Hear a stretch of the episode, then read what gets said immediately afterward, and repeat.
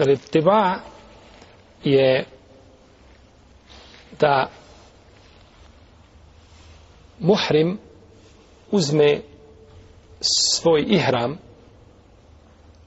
i da ga provuče ispod desnog ramena. Tako da mu desno rame biva šta? Otkriveno i prebaci taj kraj preko lijevog ramena. Tako mu znači desno, desno rame kompletno biva otkriveno, a ihram je ispod ramena i prebaci ga na lijevu stranu. To se zove iltiba.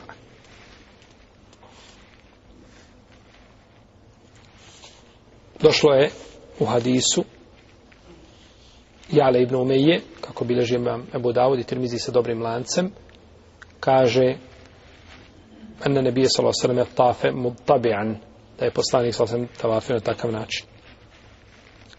Ali teba je a, sunnet po džumhuru uleme i on vrijedi samo za muškarce svakako je ženama nije dozvoljeno da otkrivaju ništa od svoga tijela, jer je rame žene po konsensusu leme avret i ne smije se otkriti pred muškarcima.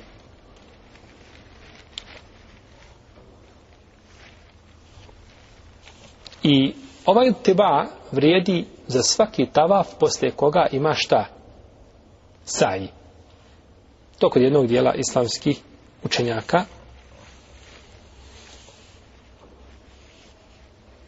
Kod Hanefija i kod Šafija. Dok kod Hanbelija samo za dolazni onaj tavaf prvi koji se čini.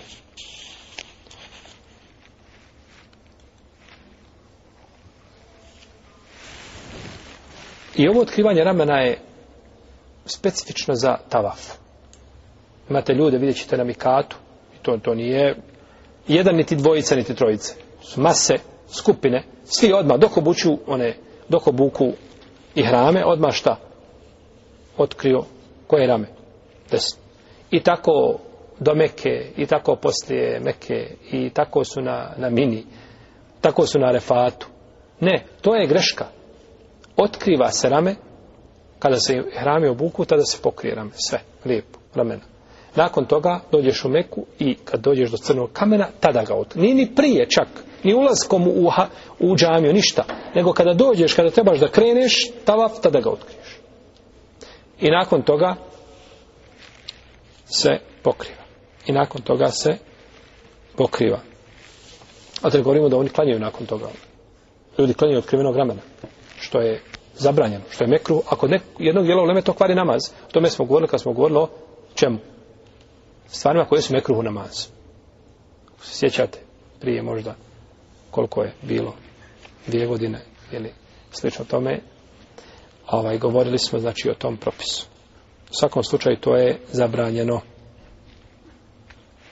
dok se završi sa tavafom rame se pokriva rame se pokriva znači kada bi čovjek jedan u, na saju ljude opominjao za, za rame tu bi trebala jedna elita od 50 ljudi možda da samo ljude da tapšu po ramenima da pokrivaju.